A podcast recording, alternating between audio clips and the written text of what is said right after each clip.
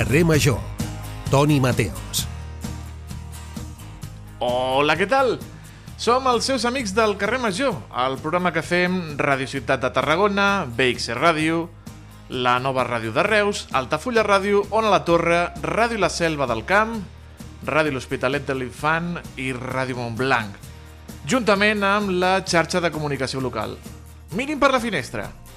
Plou a casa seva també? O quina ràbia que plogui que comença el cap de setmana quan volem sortir i gaudir dels dies de festa? Oh, és que ha de ploure! Diran uns altres, que el camp ho necessita, les avellanes, i després patirem tot l'any. I és que, amics i amigues, mai plou a gust de tothom. El que intentarem, i segur que ho intentem, i segur que ho aconseguirem, serà fer un programa a gust de tothom. Les 8 emissores hi posem moltes ganes, i després d'una primera hora informativa, ara arriben els minuts de relax, del jiji, jaja i de parar bé l'orella. L'altre dia vaig presentar el meu company com el Robin de Batman. Avui que porto una samarreta del Capitán Amèrica, doncs l'Aleix Pérez de la nova ràdio és en Bucky Barnes del carrer Major. Aleix, bona tarda. Molt bona tarda, Toni. Eh, escolta, a mi m'agrada molt que em presentis cada dia com un superheroi diferent, però n'hi ha algun que no es banyi perquè he vingut a la redacció i he acabat amb els peus, però o sigui, no semblaven peus, semblaven barques. No sé si n'hi ha algun d'aquests de superherois que em pugui, doncs, almenys evitar una remullada en un divendres, que si ja per si doncs, és complicat que plogui, que passin divendres, doncs la meva salut mental no ho agraeix massa, la veritat. En Bob Esponja és l'únic que em ve ara al cap, eh? Sí. Em serveix, eh? Ara mateix estic ja en un punt on, on, on, on he arribat xop i ara ja no... L'accepto, l'accepto, Bob Esponja. Em sembla un Vinga, bon va, superheroi. No ha estat res, no ha estat res, Aleix. I amics i amigues, vostès posin-se còmodes si estan a casa, si estan a la feina i el jefe no mira, doncs, eh, doncs també. Que comencen ara mateix uns 55 minuts de diversió amb el segell del Camp de Tarragona, amb el segell del carrer Major, amb el Iago Moreno al control tècnic i la veu d'un servidor del Toni Mateos des de Ràdio La Selva. Iago, quan vulguis, rock and roll, som-hi!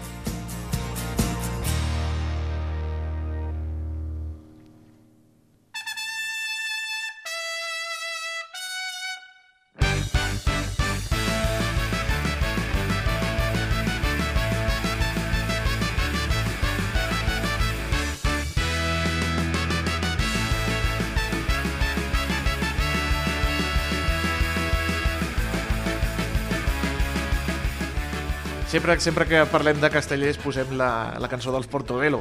Bé, també són d'Altafulla i anirem cap a Altafulla, amics i amigues. Els hi explico. Estem immersos en plena temporada castellera, cada cap de setmana, places d'arreu de Catalunya s'omplen de diferents colors de les camises castelleres eh, per copsar l'estat de les colles i veure els millors castells. Aquest cap de setmana, com hem dit, entre moltes localitats li toca a Altafulla on els castellers d'Altafulla gaudiran de la seva diada de festa major del quadre Sant Antoni a la plaça del Pou. Per parlar-nos d'aquesta diada, tenim els estudis d'Altafulla Ràdio a l'Arturo Palavecino, excap de colla i actualment membre de la Junta Tècnica dels Castellers d'Altafulla. Senyor Palavecino, moltíssimes gràcies per jugar amb nosaltres aquí al carrer Major. Uh, bueno, moltíssimes gràcies a, a vosaltres, Toni, per, per convidar-nos i donar-nos aquesta oportunitat doncs, de, de tenir veu en aquest mitjà. En quin estat de forma arriben els castellers d'Altafulla a la dia de demà? Doncs eh, la veritat és que estem en un moment molt dolç. Eh, L'altre dia ho parlàvem, ho valoràvem, eh, els castells de gamma alta de set que hem recuperat aquest any, per si parlem de xifres així, el més fàcil, no? que és comparar doncs, a castells. Eh, per exemple, feia des de l'any 2000 11 que no els descarregàvem tots, eh, tots els castells de gamma alta de 7 que hem assolit durant el nostre historial, doncs que no els descarregàvem juntament en una temporada, això feia des del 2011, per donar-te una dada, no? Uh, després, altres coses que potser no són tan, bueno, tan directament uh, comparables és el volum de gent que estem arrossegant a cada assaig, a cada actuació, la veritat que la gent està responent molt, hem tingut la sort de, de poder comptar amb canalla petita, nova i molt vàlida i aleshores doncs, eh, tot això fa que estiguem en aquest moment tan dolç, no? que necessites de molts condicionants, que hi ha anys que tens alguns i d'altres no, i aquest any se'ns estan posant tots una mica molt a favor i això fa que estem tenint una dinàmica molt positiva i això s'està demostrant en els resultats no? i per tant doncs, arribem en un molt bon estat de forma i, i amb un final de temporada que, que promet, la veritat. Després d'uns mesos d'estiu de, plens d'assajos i participacions en diferents diades, demà dissabte és, és, és una de les importants perquè estaran també molt ben acompanyats amb dues colles del Camp de Tarragona com són la colla joves dels xiquets de Valls i els xiquets de Reus. Correcte, e, és una de les diades més importants que tenim a Altafulla. Uh, nosaltres uh, tenim una mica el hàndicap de que la nostra festa major per Sant Martí és al novembre i mm, sovint el nove... és una data que moltes colles ja els hi agafa doncs, finalitzant la temporada. Aleshores, clar, sempre normalment la, la diada més forta a Altafulla havia sigut la Diada Mm, que, bueno, realment no, no, no és que sigui una gran festa la festa de les Altafulla, no? La, molta gent ho pregunta, no? Però què celebreu aquest dia de les cultures? I això va ser una mica l'excusa en el seu dia de trobar una data que encaixi a les colles bé per tenir una diada potent a Altafulla. Aleshores, per això t'explicava una mica la festa major, al novembre sí que aconseguim tenir una diada de qualitat, amb, amb els últims anys amb, amb els xiques de Tarragona i, i bé, altres colles doncs, que ens han anat uh, completant aquest, aquest cartell, però sí que des del 2018, amb, amb, una mica amb el pretext, amb el, amb el marc del 45è aniversari, vam dir això, recuperar una diada potent al setembre, que sí que l'època antiga de la colla es realitzava, i, i des del 2018 que fem aquesta diada amb joves de Valls, els primers anys van venir Minyons de Terrassa, després hi va haver la pandèmia, des de la recuperació doncs, de l'època postpandèmica que ha vingut joves de Valls i xiques de Reus. I, I la veritat que és una diada que encaixa molt bé en quant a dates, i, i la, les colles que hem trobat doncs, crec que encaixen molt bé en el seu calendari també. Sempre intentem això que més o menys coincideix eh, amb, eh, quan és el primer diumenge de festes a Tarragona per Santa Tecla, doncs clar, això el plat fort és diumenge, però nosaltres aquí doncs, aconseguim dissabte captar l'atenció del, del món casteller amb una diada potent i en aquest sentit, doncs, enguany les joves doncs, arriba molt bé de forma i potser podríem tenir alguna sorpresa aquest dissabte. Sí, jo volia preguntar també a, Arturo, no sé, tot semblant, no? Tots, el, tots els components i tota la feina que heu fet durant tot aquest temps, perquè sí, una gran diada i ja sabem com és la vida i com passen aquestes coses, que cau un pluja torrencial. No sé fins a quin punt pot arribar a influenciar la, la diada de demà, la, les pluges, o si, o si es poden aixecar castells, o com, o com pot influenciar això. Uh, correcte, sí, és un factor que al setembre s'ha de tenir en compte, no? De fet, és un clàssic que, per exemple, a Santa Tecla cada any algun dia algun dia plou. De fet, el, la, la primera edició, el 2018, ens va ploure i la vam haver de fer al pavelló, i és curiós que es, es van a realitzar castells de nou i és, és curiós que Altafulla Castells de Nou s'han fet a dues places, a la plaça del Pou i al pavelló poliesportiu, i, i és cert que a principis de setmana vam veure la previsió de pluja i bueno, era una mica aviat i ara per sort la, la previsió de pluja és bàsicament avui, aquesta nit, matinada i sembla que demà faria net. Esperem que així sigui, fa, faci net demà, però tot i així a nosaltres personalment ens afecta bastant perquè sí que disposem d'un local uh, històric uh, molt bonic aquí al poble, però sí que està una mica condicionat al bon temps, en el sentit de que a l'interior el sostre és bastant just. Aleshores, nosaltres, quan, quan fa mal temps i sobretot quan plou, doncs estem molt limitats. I avui sí que hem, ja hem demanat de poder tenir un pla B i fer l'assaig al, al pavelló, i no és el mateix perquè allí no tenim la xarxa, ens afectarà, ens condiciona una miqueta aquest últim assaig, però a priori per la diada de demà no, no hauria de ser un factor, la pluja no ens hauria d'afectar. Per tant, quins, quins castells podem esperar a veure, ja sigui a la plaça o, o, al, o, al, o al pavelló? No sé si, si es pot avançar, si no es pot avançar, també una mica com funciona aquí el, el, sí, les cartes. Evidentment, bueno, a, a la presentació, perdona que, que et faci aquest petit matís. No, no formo part actualment de la Junta Tècnica, sí de la Junta una mica més administrativa, en el sentit de fer el calendari, protocol i tal. Eh, i això, evidentment, sempre és una mica no, el que acabi determinant la Junta Tècnica i sempre un dels clàssics que, que, que tots els cap de colla i tots els membres de la Junta Tècnica utilitzen és depèn una mica com acabi d'anar l'assaig d'avui, no? però és cert que el que estem preparant Uh, sí que és veritat que estem una mica condicionats per alguna baixa important que tenim d'algun castellà de tronc, del, del que eren les intencions uh, inicials, diguéssim, fa temps. Ja fa temps que estem treballant enfocats, sapiguent que tindrem aquestes baixes i nosaltres uh, l'objectiu és portar tres castells de set, en principi podrien ser els dos bàsics i un castell amb agulla i si van molt bé les proves, doncs potser podrien anar-hi els dos castells amb agulla amb el 3 o el 4 de 7. Les nostres intencions anirien per aquí i és la feina que ja hem d'acabar de veure avui a l'assaig. Uh -huh.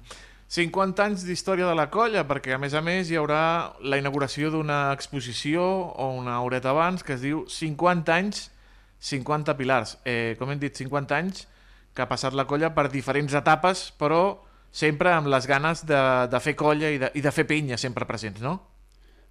Correcte, nosaltres n'estem molt, molt orgullosos de ser una de les colles històriques realment del món casteller, és el que diem, no? Quan, quan ens vam fundar nosaltres només hi havien 12 colles en actiu, de les quals alguna ja no hi és, eh, o sigui que realment estem parlant, tot i pertany a un municipi petit i a més envoltat d'aquí a de la zona tradicional, moltes poblacions importants com Tarragona, Valls, el Vendrell, Reus, etc., doncs eh, hem sigut capaços de, de mantenir-nos activament, no sempre, és, és cert que, que val la pena dir que, que són 50 anys en els quals hi va haver una interrupció des del 89 fins al 96, que no es va refundar la colla, però vaja, 50 anys des de la fundació de la colla i és el que et dic, té, moltes, té molt de mèrit per les colles petites, doncs eh, a vegades, no? sobretot en les èpoques més complicades, ara venim de, de sortir d'una pandèmia que tampoc ha sigut fàcil reemprendre l'activitat, sobretot eh, l'any passat,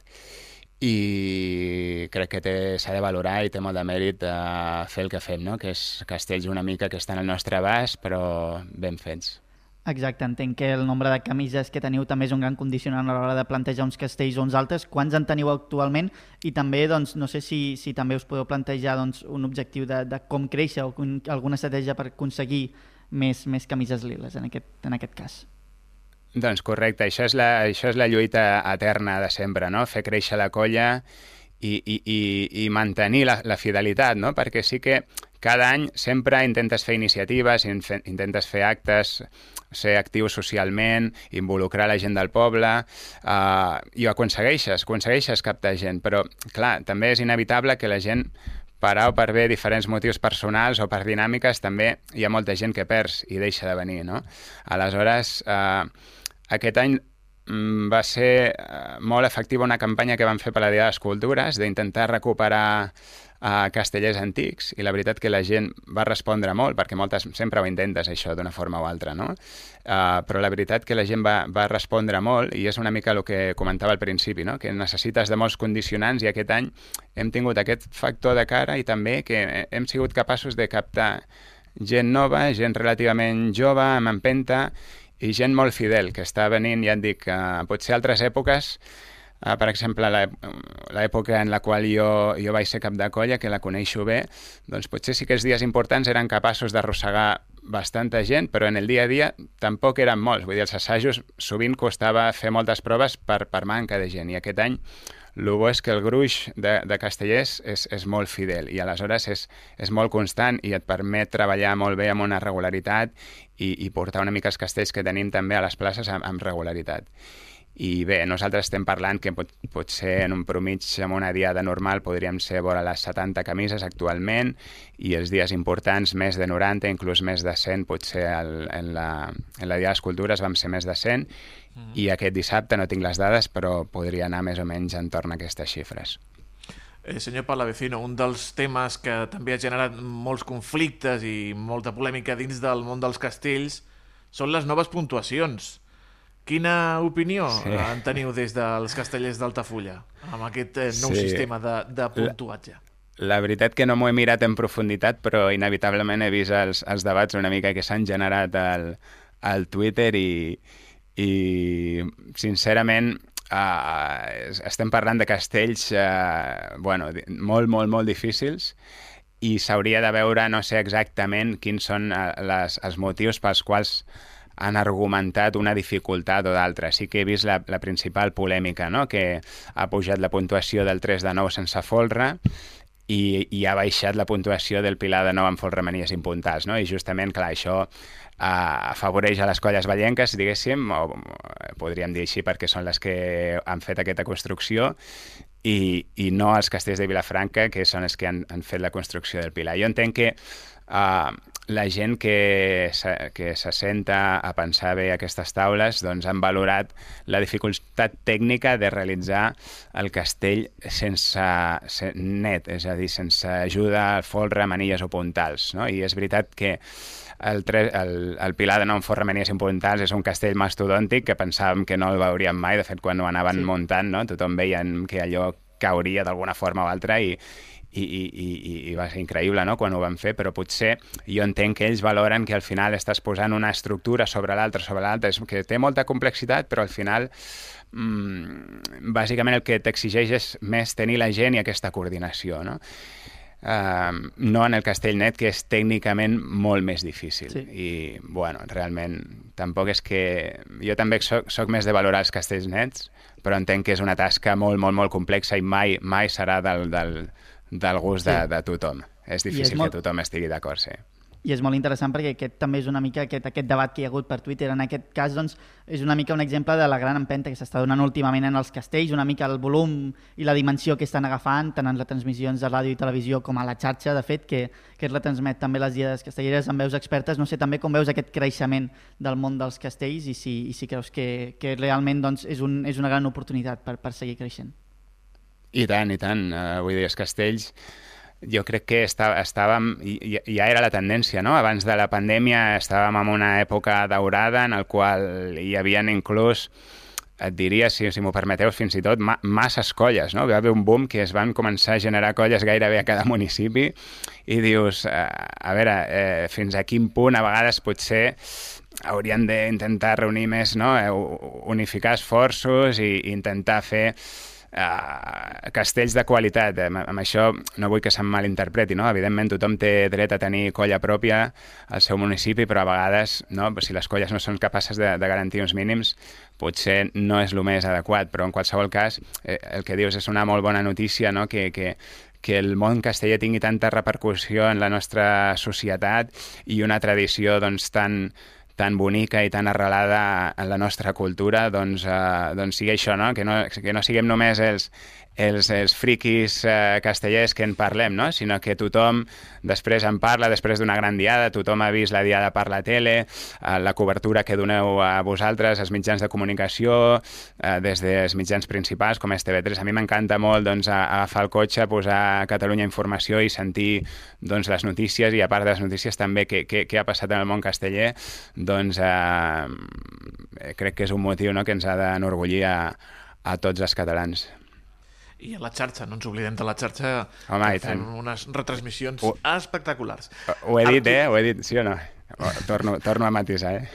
Arturo Palavecino, eh, excap de colla i actual membre dels castellers d'Altafulla. Moltíssimes gràcies per deixar-se enredar aquesta tarda amb el carrer Major per parlar-nos d'aquesta dia de demà. Molta sort. Moltes gràcies. A vosaltres, un plaer. sense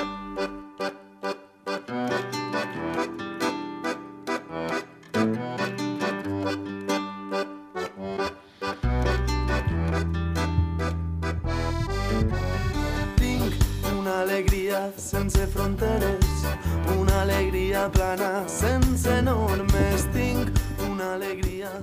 No sé si aquesta música es cau molt bé per al tema del que parlarem. Parlen d'alegria, d'alegria i anem a parlar de crims, d'un dels crims recents més terribles i mediàtics és el conegut crim de la Guàrdia Urbana, diversos especials de televisió, em sembla que n'hi ha 4 o 5 episodis a crims, documentals, llibres i fins i tot una sèrie a Netflix que està ara molt de moda de 8 capítols, vaig pel 4 o pel 5, ens intenten explicar què va succeir realment en aquest assassinat. I si parlem de crims, amics i amigues, qui millor que el criminòleg i escriptor, el nostre estimat col·laborador, en Jordi Palau, el Da Vinci del segle XXI, per posar llum a la foscor des dels estudis de Ràdio Ciutat de Tarragona. Eh, bona tarda, Jordi. Gràcies per deixar-te enredar com a col·laborador una temporada més aquí al carrer Major. És un plaer. Moltíssimes gràcies a vosaltres per invitar-me.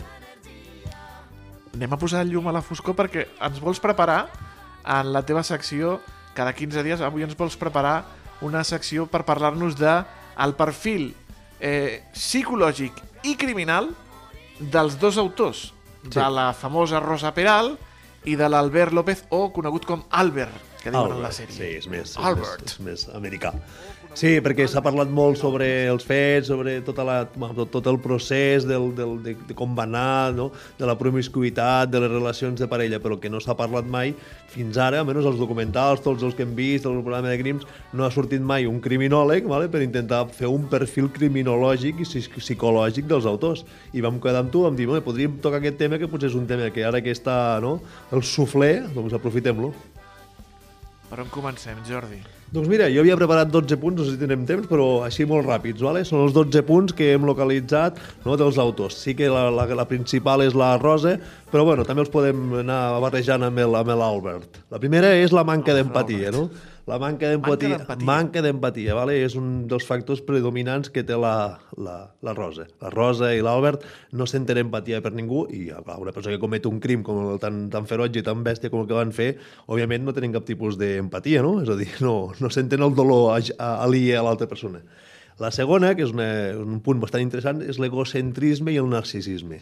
Si t'hi fixes... a la sèrie se'l veu molt, que són tan guapos i tan, que es cuiden tant i que s'estimen Sí. tant a ells mateixos. I inclús fixa't que han agafat a dos actors, no? sobretot la, la Ah, Úrsula, no? L'Úrsula es diu? Dos guapos de, de Catalunya. Exacte, els guapos de Catalunya. Inclús, clar, la Rosa ja és guapa de per si, però la Úrsula li dona un toc encara més, no? més, més essencial. I és veritat, són gent que es cuiden moltíssim, que cuiden molt el físic i també eh, els agrada molt eh, ser mirats, ser observats i, i ens agrada molt agradar. No? Aquest concepte narcisista vale? de les persones que també acaben cometent un delicte, doncs també és això, no? perquè inclús ara mateix la Rosa i l'Albert són protagonistes i, i 5 o 6 anys després encara continuen sent protagonismes. És aquell concepte no? de, de, de, de tenir sempre el protagonisme ells en tot moment. I sempre, inclús en- fent una cosa dolenta, eh? acabes, acabes, sent, acabes sent el protagonista. I això, clar, agrada. agrada. La Rosa a presó és molt coneguda, i més que moltes, moltes altres preses. El tercer punt eh, seria l'encant superficial. Sí? Aquestes persones que eh, a simple vista sempre són tan magnífiques, tan fantàstiques, que tothom, tothom vol estar amb elles, tothom els agrada, tothom sembla com si la Rosa té un encant especial amb tothom, no? Després realment amague, amague una part més obscura, però igual que l'Albert, eh? però són, són persones que tothom volen estar amb ells perquè són guapos, perquè van amb moto, perquè són, no? són, són, són policies i a més a més són treballadors i sempre fan actuacions d'aquestes de perill. El Pedro també, eh? el Pedro també estava amb aquesta dinàmica no? de que era, era una espècie de Hyperman, no sé si recordeu els anys 80, el concepte Hyperman, no? una persona home, i molt, tant, molt tant. Després hi ha un altre punt, el quart, que és la pobresa emocional. És a dir, si t'hi fixes, ells busquen lo, els resultats fàcils, no? busquen una mica els sentiments, no són molt profuns. Ella, la Rosa, sobretot, que és la gran protagonista, el que vol és sentir-se estimada, però de forma, és a dir, que venerada, no? la paraula és venerada. Que els homes li vagin darrere, eh? amb, el, amb el primer cas que va tenir a la Guàrdia Urbana, la porno venjança, ja es va enrotllar, però d'alguna manera, amb un sergent, no? Intenta això, agradar i tenir... Llavors no profunditza mai en relacions. Per exemple, amb el Pedro, va, se va anar a viure poc després, després de conèixer, va, se va conèixer i automàticament ja estava vivint junts. És dir, no fan un procés d'aquestos de, de, de noviatge, de conèixer, d'enamorar-se, no, ja és molt... És a dir, la pobresa emocional és un dels factors principals dels perfils criminològics aquests.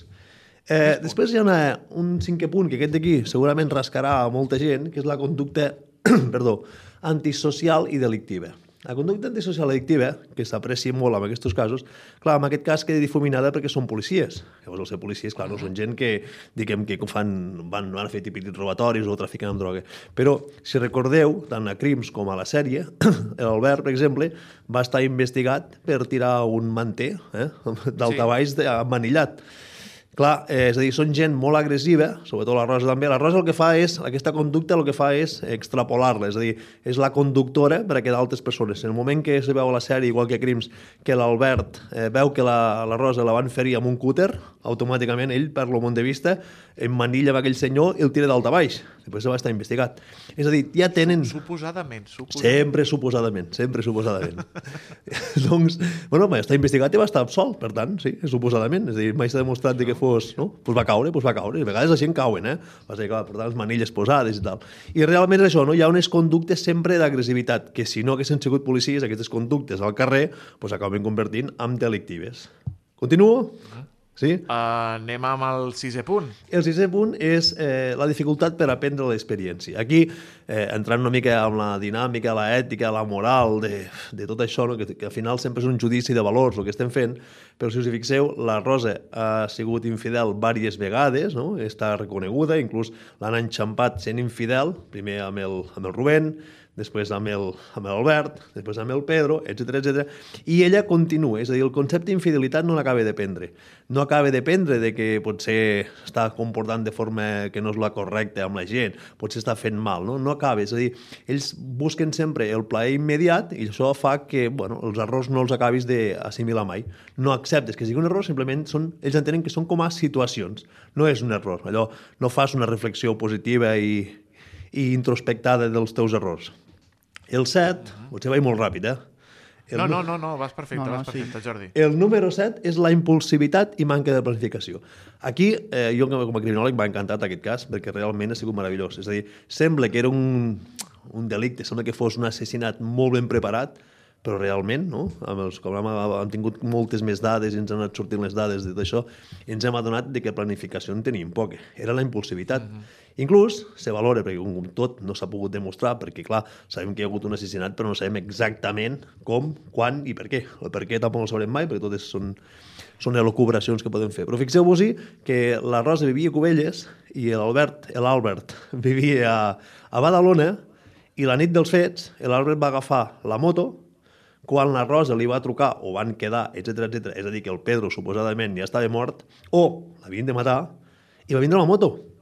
És a dir, si tu planifiques una mica això, per exemple, eh, la Rosa es va deixar el telèfon del Pedro a una de les sabates, això ho expliquen molt bé a la sèrie, dintre de la casa sí, seva se li va trobar. amagada, sí, sí. Clar, és a dir, al cap i a la fi van mig planificar, però com a policies, potser que ells tenien molta més informació, podien haver planificat molt bé. Però clar, com que són, eh, són delictes, són assassinats sentimentals, el que es fa, inclús s'explica allà a la sèrie també, explica que la, que la, que la Rosa li diu a l'Albert és que no puc més.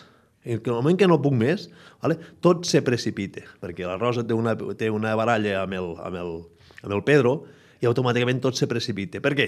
Perquè llavors l'Albert, que ja està, ja està dient des de fa dies, deixa'l, deixa'l, deixa'l, i ella eh, es fa la víctima i diu, no puc més. Llavors ja, diguem que tot se precipita. I clar, un assassinat, si el vols cometre i que allò que no s'acabi de saber mai o, no, surtis indemne, tens, necessites una mínima planificació. Per tant, sabeu que hi ha molt poca planificació.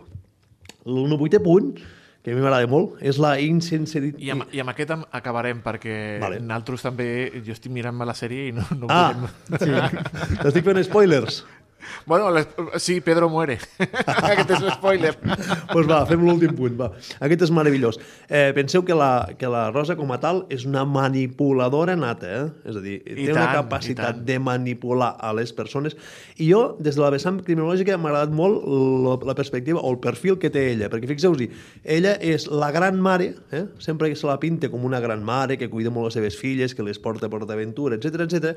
però després és la femme fatal, no? aquell famosa expressió de femme fatal, sí? amb els homes sempre es comporta com una femme fatal, és a dir, eh, que tothom la vol tenir però ningú l'acaba de tenir només per amb ella sola. I llavors així ella juga molt amb això, perquè no és que sigui sempre dolenta o sempre bona, sinó que té les dos vessants. Per tant, als homes, i a tots els homes, li acaben agradant. Fixeu-vos quin punt de manipulació que té, que pot arribar a manipular a molts homes, els hi pot ser infidels, i tot i així tots volen estar amb ella. Per tant, aquesta manipulació és molt psicològica.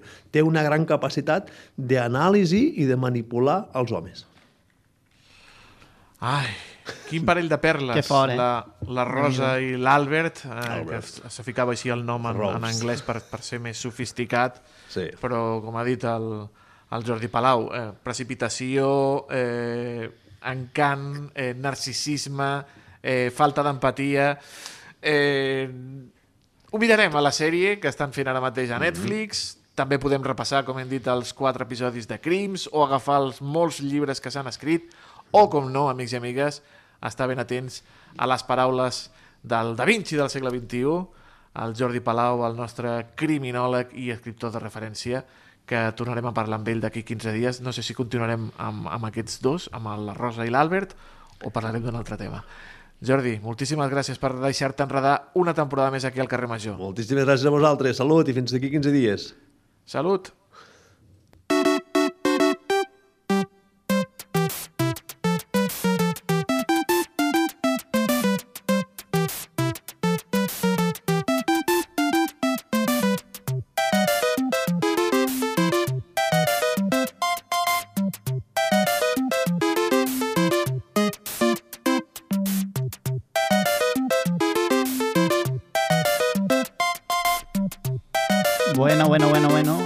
Musiqueta ja ens, doncs una mica ens, ens, ens dona una pista del que, del que n'hi ha ara, perquè és divendres i la millor manera en què intentem i volem acabar la setmana és amb una mica la secció dels tones i, els tonis i per fer-ho, doncs a part del Toni Mateos també tenim a l'Antonio Mellado. Molt bona tarda, com estàs? Bona tarda. Uh, molt bé, espectacular, com Bravo, sempre. bravo, Antonio, bravo! Si hem de recuperar, eh, Toni, que això no ho vam dir l'altre dia. Estem espectaculars com sempre. Espectaculars Però clar, no t'ho sempre, podem preguntar tu ara, que ets el, condu el conductor. Però t'ho pregunto jo ara, Toni. Toni Mateos, com estàs? Espectacular! Com Ah, sempre. ah. ai, ai, ai, ai. I l'Aleix, com està? Com estàs, Aleix? Jo estic ja, ja, ja estic, he superat el trauma de la pluja i ara ja estic gaudint de, de la secció que heu preparat, que realment és d'aquelles que, que, que a mi em fan dentetes, eh? Oh, Nintendo Direct. Eh, sí. Sí, sí, sí, amics, sí. sí. Ja els que són veterans d'aquest programa ja saben que quan hi ha esdeveniments d'aquest tipus els Tonis ens en fem ressò i... En, en fem 3-4 a l'any? Tres, tres. 3 a l'any, 3 a O l'any. sigui, tres tres, Nintendo tres Direct. seccions a l'any, més o Sí, menys, eh? exacte. com qui diu. I és que un cop més, aquest any, ahir ens va arribar un nou Nintendo Direct, aquesta festa on la gent de Nintendo ens presenta doncs, les novetats de cara als propers mesos. I com no, els Tonis hi vam ser presents per apuntar doncs, el més interessant d'aquest eh, esdeveniment, no? Bueno, bueno, ho, van, ho, van veure, ho van veure després del carrer Major, eh? Ho van veure mira després del carrer Major. Exacte, exacte. En una presentació d'uns 40 minuts aproximadament, la gent de Nintendo no només van presentar videojocs, sinó que també van parlar del seu futur museu que obrirà portes al 2024, un museu de Nintendo. Ja tinc més motius per anar a Japó. Ah, mira. Però el principal en aquest event va ser els nous videojocs, gairebé tots per la Switch, per no dir el 100%, i un gran protagonista, el Mario, que sonava de fons. Sí, i comencem amb el primer joc que es va mostrar, Mario vs Donkey Kong. Tu saps qui són, Toni, no? Hombre, Donkey per Kong també. Per l'amor de Déu, el tenia jo en la, en la, en la maquineta de videojocs portàtil. Sí, sí, va, ser, va venir inclús abans que el Mario, el sí, Donkey sí, Kong. sí, sí. Un remake del Mario vs Donkey Kong de la Game Boy Advance amb gràfics moderns. I de què va? Doncs sembla un joc de plataformes amb 2D. No sé si recordareu els Lemmings, no? que eren Hombre. aquelles criaturetes que havies de salvar. Doncs és una mica en aquest estil, eh? És un joc de, de puzzles, has d'activar mecanismes per obrir-te camí i així ajudar als mini-Marios. Ja té data i surt el 16 de febrer de 2024, que està aquí més o menys, eh? Ho tenim Sí. a, a prop. Sí, sí, mira, també hi ha el Super Mario RPG, Aleix. Mm. És un altre remake del Mario, aquest ja el coneixem, és el Super Mario RPG, que es va ser llançat el 1995-96 per la Super Nintendo i que mai va sortir a Europa. El desenvolupament i la història és el mateix. Mario s'uneix amb Peach i amb Bowser per salvar la via estel·lar, com a l'aventura original, però els gràfics aquí són totalment nous, plens de colors i de formes espectaculars i amb molta, molta jugabilitat. A mitjans de novembre arribarà, concretament el dia 17, aquest Mari Super Mario RPG. Compra imprescindible pels fans de Mario. Oh, I ara que parlàvem de la princesa Peach, no? doncs tindrà un joc propi. Es dirà Princess Peach Showtime. Eh? La nòvia de Mario protagonitza el seu propi joc i és una aventura que té lloc a l'escenari del Gran Teatre Esplendor, en diferents obres de teatre, i la Peach doncs, anirà passant per cadascuna d'elles, disfressant-se, per exemple, de mestre d'espasa, de detectiu, fins i tot de repostera fent pastissos. sí, i, bueno, semblaven caques. Sí. Tenien una, una textura una mica sospitosa, eh? I un color sospitós. també. Exacte. I fins i tot tindrem a la Peach Kung Fu, que serà Oh. mestre d'arts marcials. Oh my God. Cada obra tindrà les seves pròpies mecàniques i barrejarà, doncs, barrejarà salts, acció, puzzles... Molt jugable, molt original i, i molt divertit, també. Però una, una pregunta, la, la, la princesa Peach havia tret al- algun joc? Havia protagonitzat mai algun joc? A mi és que no em sona de, de, de cap joc que hagués que no. protagonitzat abans. Diria que, que sí, potser fa, fa uns anys, però és un joc d'aquests que va passar sense pena ni glòria. Aquest sembla que tindrà molta més volada i tenim dates el 22 de març, o sigui, just quan comenci la primavera tindrem uh, aquest uh, Princess Peach Showtime. I també el Luigi, el, Sí. el company de Mario, que són familiars, no? Són, són, són cosins o... Germans? Germans? Crec que eren germans, Sí. no? Sí, Mario sí, els, els Mario germans. Brothers. Mario Brothers, clar. Clar. Hòstia, Mateos, per l'amor de Déu. Luigi's Mansion 2, el joc de la 3DS del 2013, rebrà versió per la Nintendo Switch amb gràfics en eh, alta qualitat. El joc comptava amb diverses mansions i inclou la manera de multijugador, on podrem jugar fins a 4 Luigis i convertir-nos en autèntics caçafantasmes i esperits per aquesta mansió embruixada plena d'ensurs i de diversió. Té molt bona pinta el uh, Luigi's Mansion 2 i surt a l'estiu del 2024. Ah, tocarà esperar una mica. Tocarà esperar una mica. O sigui, quan acabi el carrer Major, a gastar-nos els diners que hem guanyat amb el Luigi's Mansion 2. Tot el bosc fa esperar, que diuen. I un altre, Toni, Mario Kart. Tu també et sona el Mario Kart, Hombre, no? per favor, per Home, favor. El, el Mario Kart 8 Deluxe, eh, que arriba amb l'última tanda de curses de Mario, que tindrà quatre personatges nous. La Pauline, la Peachette, el Diddy Kong i el Funky Kong. M'haurà de, De dir qui moment- són aquests perquè, perquè no, no em sonen de res ja. O sigui, els primers els agafava, però, però aquests últims no els conec. Són uns, sí, són molt... Bueno, Kong, suposo que deuen ser de la família del de Donkey família Kong, no? del Donkey Cosins Kong. i coses d'aquestes. Didi també. i, i Funky. I aquest funky, sí. Ballarà, Deu- Funky. Sí, deu ser una mica ochentero. uh, de moment només se'ns han avançat això i que hi haurà un circuit nou que serà el circuit de Daisy, bueno, que l'agafen del Mario Kart de la Wii, un dels preferits dels fans, i serà un dels vuit últims circuits que gaudirem en aquest joc. El 6 d'octubre sortirà una versió en format físic amb el joc complet i totes aquestes curses afegides. I un altre que també s'estava temps rumorejant, eh, que sortiria, que no sortiria, que s'anunciaria en el Nintendo Direct, que és el remaster del Paper Mario i la Porta Milenària, un joc de la GameCube, mare de Déu senyor, sigui, fa anys, eh, d'això. per Nintendo Switch. Un joc on el que hem vist de moment és una barreja de món 3, 2D i 3D, amb un Mario dibuixat sobre paper que és capaç de transformar-se en avió de paper. Sí. O sigui que Paper Mario ha estat l'últim joc en anunciar-se de la Nintendo Switch, sense data encara, i, però el que és lògic és que com a mínim, com a mínim, a l'estiu del 2024. Sí, però, a veure, no només de Mario, que sembla que sí, però no, no només del món de Mario i de tot això viu Nintendo, eh? Hi ha més xitxa i més novetats que se'ns va descobrir ahir. Per exemple, una d'elles és la novel·la visual en puzzles Another Code to Memories i la seva seqüela Another Code Art més enllà de la memòria, que són respectivament originals de Nintendo DS i de Wii. Han rebut un complet remake, que això vol dir que s'han actualitzat els gràfics i els puzzles s'han adaptat doncs, a la consola de la Switch. Surt el 14 de gener de 2024. Tu ets molt jove, Aleix, però segur que coneixes a Lara Croft. Home, com no l'he de conèixer. Nathan Drake i Lara Croft, els dos Bé, principals, dos, dos, els dos principals sí, aventurers no, de referència. arqueòlegs Efectivament. i... Que, bueno, arqueòlegs no, caçatresors, podríem dir. Sí. Doncs Lara Croft arriba a Switch, però no la trilogia moderna, no, no, sinó la trilogia original, la clàssica, i remasteritzada amb uns gràfics actualitzats i totes les expansions i secrets de cadascun dels tres jocs. Ja pots preparar les pistoles perquè la Lara té ganes de molta gresca, com sempre. Tomb Raider 1, 2, 3 surt el 14 de febrer, el dia dels enamorats. Oh. Oh. Surten també per PlayStation i per la Xbox. També tenim la saga Emerald Beyond, un nou joc d'aquesta saga amb diferents personatges amb històries entrellaçades de diferents orígens, tan curiosos, per exemple, com una cantant robòtica sense veu, Toma. una bruixa que es disfressa d'estudiant per no ser descoberta, o un duo que lluita contra el crim. Aquests i molts més personatges eh, formen part d'aquest joc, on serà triar un personatge doncs, i viatjar per 17 mons en una història que estarà plena de combats.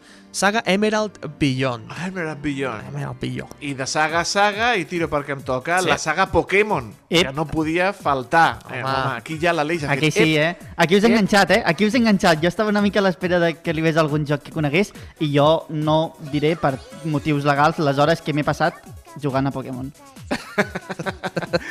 Estem parlant del Pokémon Pikachu, Pikachu Detectiu Pikachu Return, la seqüela de l'aventura gràfica de la 3DS que surt el 6 d'octubre per la Nintendo Switch. Ja sabem què regalar-li a l'Aleix. Pikachu Detectiu, que no para de parlar, no diu pica, pica Pikachu, aquí parla com per... No, per- per- pels descosits, Sí? Normal, no?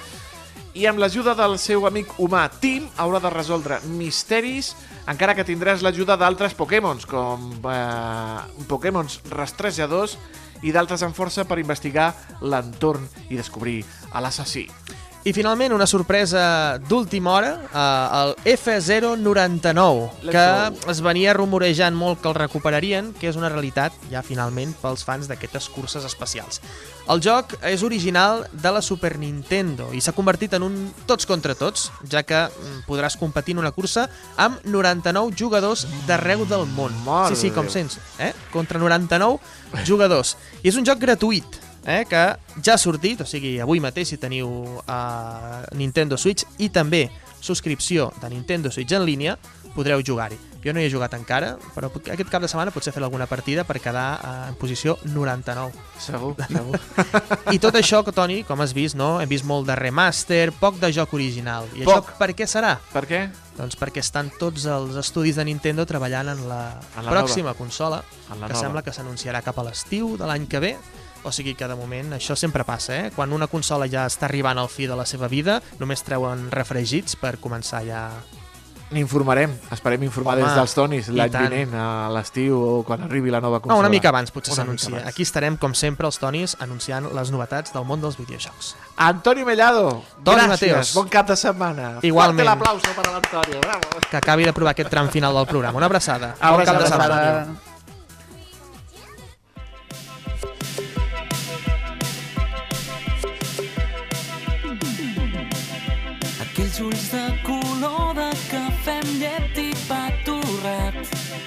Home, però si són els meus amics, els Els has Koeman. reconegut, eh? Hombre, hombre, i tant que els conec. Eh, qui no conegui els Koeman, aquest duet reusenc de pop feliç, que estiguin ben atents, amics i amigues, a les explicacions que ens porta el màster de la música, que és el David Fernández des de la nova ràdio. Sentim-lo, el David. Hola Toni, hola Aleix, molt bona tarda. Avui us portem una novetat que ha sortit aquest mateix divendres, per tant, recent treta del forn. Estem parlant del darrer senzill dels Koeman, aquest duet que ens arriba des de Reus, un duet de pop electrònic format per l'Emili i el Gerard. Dos músics que tenen una llarga trajectòria a les seves esquenes, ja que durant molts anys van formar part dels Pokers, una banda que van treure diversos EPs, un treball discogràfic i que van presentar la seva música arreu de la geografia catalana. El 2020, després de la dissolució dels Pokers, van engegar aquest projecte, Koeman, i es presentaven en societat amb una cançó anomenada Dimats. Uh, va ser el primer senzill que publicaven perquè després n'han vingut Formentera, 30, Sopars i el darrer, que és el primer que ens estrenen aquest any, aquest 2023, és aquest que avui escoltem i es diu Tu. A més a més, també aprofitem per explicar-vos que els Koeman actuaran aquest diumenge a partir de dos quarts de dues del migdia a la plaça del Baluart de Reus en el marc de la presentació de La Lloba, un nou element festiu que tira endavant la colla Passigolla, un acte que té lloc dins de les festes de misericòrdia de Reus. Per tant, si us agrada aquesta cançoneta, també en podeu buscar les altres que han tret a totes les plataformes i les podreu escoltar en directe, com diem, aquest mateix diumenge. Avui, per tant, els Koeman i aquest Tu és la banda sonora amb la que acabem la setmana al carrer Major. Fantàstic, que, que, quina bona gent són els Koeman. Estarem ben atents al seu concert del diumenge. Moltíssimes gràcies, David Fernández, des de la nova ràdio. seran el mapa del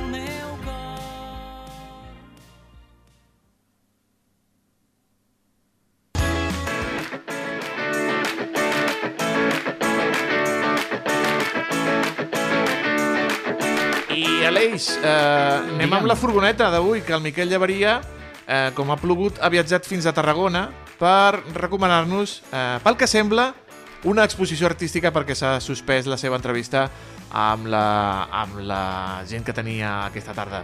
Vegem què ens proposa el Miquel, que sempre està atent i canviant. Miquel, on ets, estimat?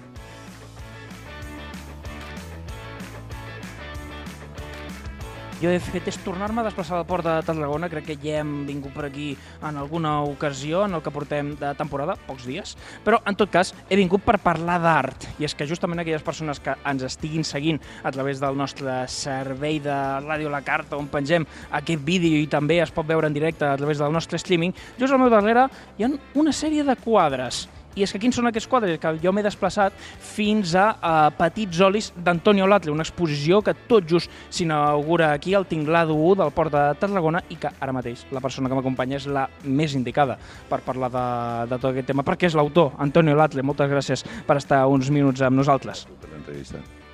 Escolta, eh, una cosa està clara i és que el propi títol de l'exposició ens dona una petita pista de com estan fets aquests quadres. Con los pequeños formatos, que eran, eran ágiles, eran rápidos y, y muy sugerentes. Y luego fue que ya me fui guiando un poquito a hacer algo más grande y esto sin vista de Tarragona, y, pero básicamente me gusta mucho el formato muy pequeñito, el formato pequeño, 30-30, 40-40. Sí, és el que més, me, que més hago. Mm. És a dir, que aquests ara que tenim al nostre darrere, que pot de cristall amb... Eh, olis, olis, o per exemple aquí hi ha maduixa d'allí al teu darrere, eh, serien els primers? No, no, no. Los primeros, los primeros fueron quizá los de los cacharritos, los de los, las, jarritas de metálicas, eh, frutas, sobre todo el tema de las caracolas, que también hice un cursillo con un pintor para mí de lo mejor que hay en este momento, un gran hiperrealista que es Antonio Cazorla de Huelva.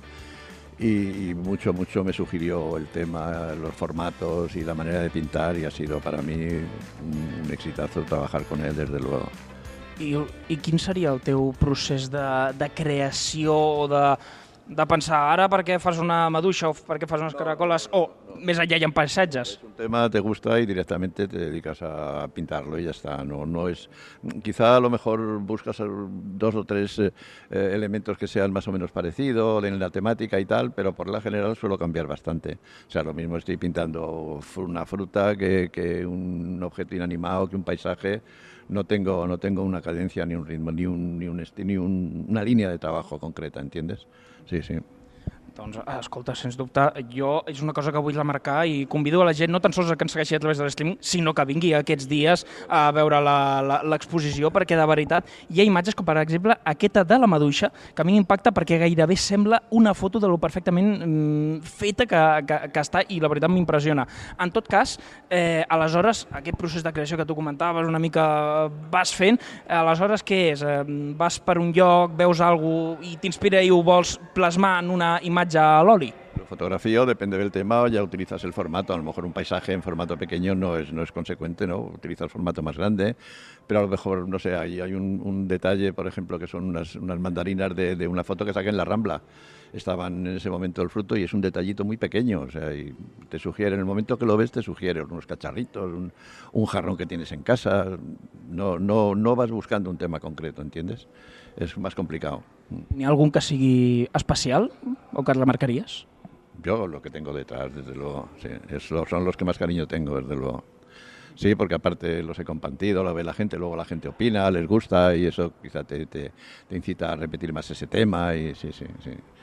Son temas, ya te digo, son muy agradecidos, son muy vistosos, son quizá, quizá es un tema que no está tan visto en el bodegón, el bodegón es más clásico, el bodegón de frutas y con muchos elementos, ¿no? Pero así elementos sencillos, pues quizá es más- rápido, más ágil y, se va acabando enseguida, ¿entiendes? No estás ahí. Luego hubo un condicionante bestial que fue el tema de la pandemia. Que claro, salías poco de casa, tenías mucho tiempo para pintar y para olvidarte de, mil cosas. Y la pintura para eso es la maravilla de las maravillas, ¿entiendes? Para dejarte la mente en blanco y, ponerte a trabajar y no acordarte de nada, es, es- es- una, una maravillas, sí, sí.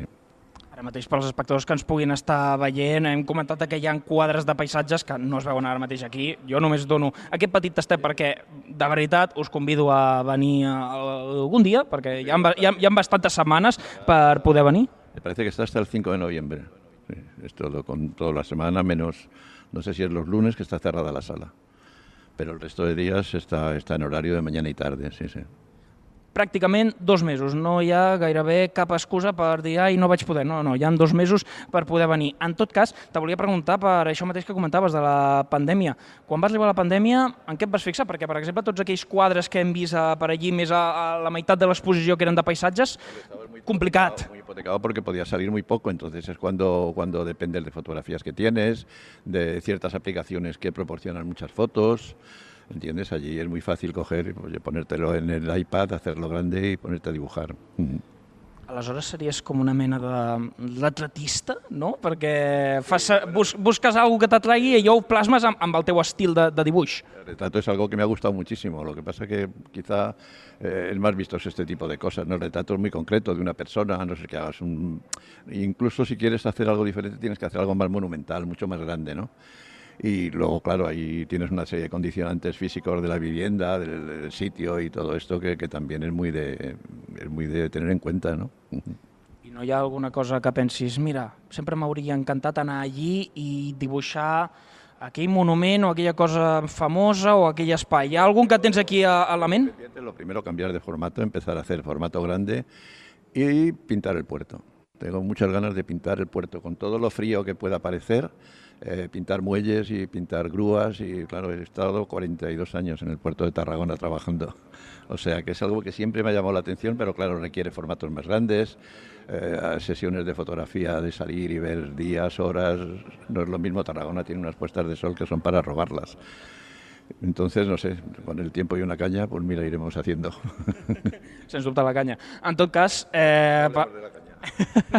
en tot cas, eh, sens dubte t'escolto parlar de, de Tarragona. No ets d'aquí de, de Tarragona, però eh, parla, parles, parles amb carinyo eh, aquí. Yo es que prácticamente son de aquí, yo vine así al año 72 a Tarragona, que han passat anys.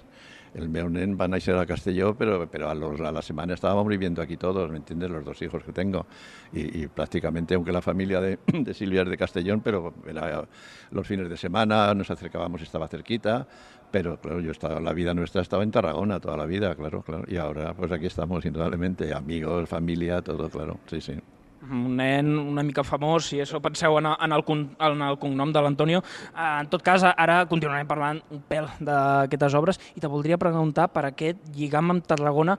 Hi ha algun així que sigui un paisatge de Tarragona o alguna cosa que hagis vist a Tarragona que t'agradi molt, aquell quadre? Me gusta mucho la Rambla. El tema de la Rambla, mm, en realidad he hecho nada más un cuadro, pero bueno, dos. Tengo uno de, de- de la, escu- de la estatua de los héroes, eh, mirando hacia tierra, y luego tengo otro del balcón, pero no el balcón en sí, porque creo que es un tema que está muy, muy pintado, sino que tiene en primer plano la, la escultura del niño con el pato, no sé cómo se llama. Y luego, claro, luego tengo también muchas ganas de hacer fotos que he visto muy bonitas, que haya poca gente cuando está húmedo, cuando está amaneciendo, cuando está húmeda la rambla, ¿entiendes? Ahí tiene una cantidad de reflejos preciosos, preciosos. Por cierto, como anécdota, cuando pinté el cuadro de, cuando hice la foto del cuadro de la rambla, al día siguiente estuve pasando por allí, quería tomar unos apuntes y habían podado todos los árboles. o sea que ya tuve que pasar en la foto que tenía, pero muy bien, sí, sí. Además es el cuadro más grande de la exposición. Sí.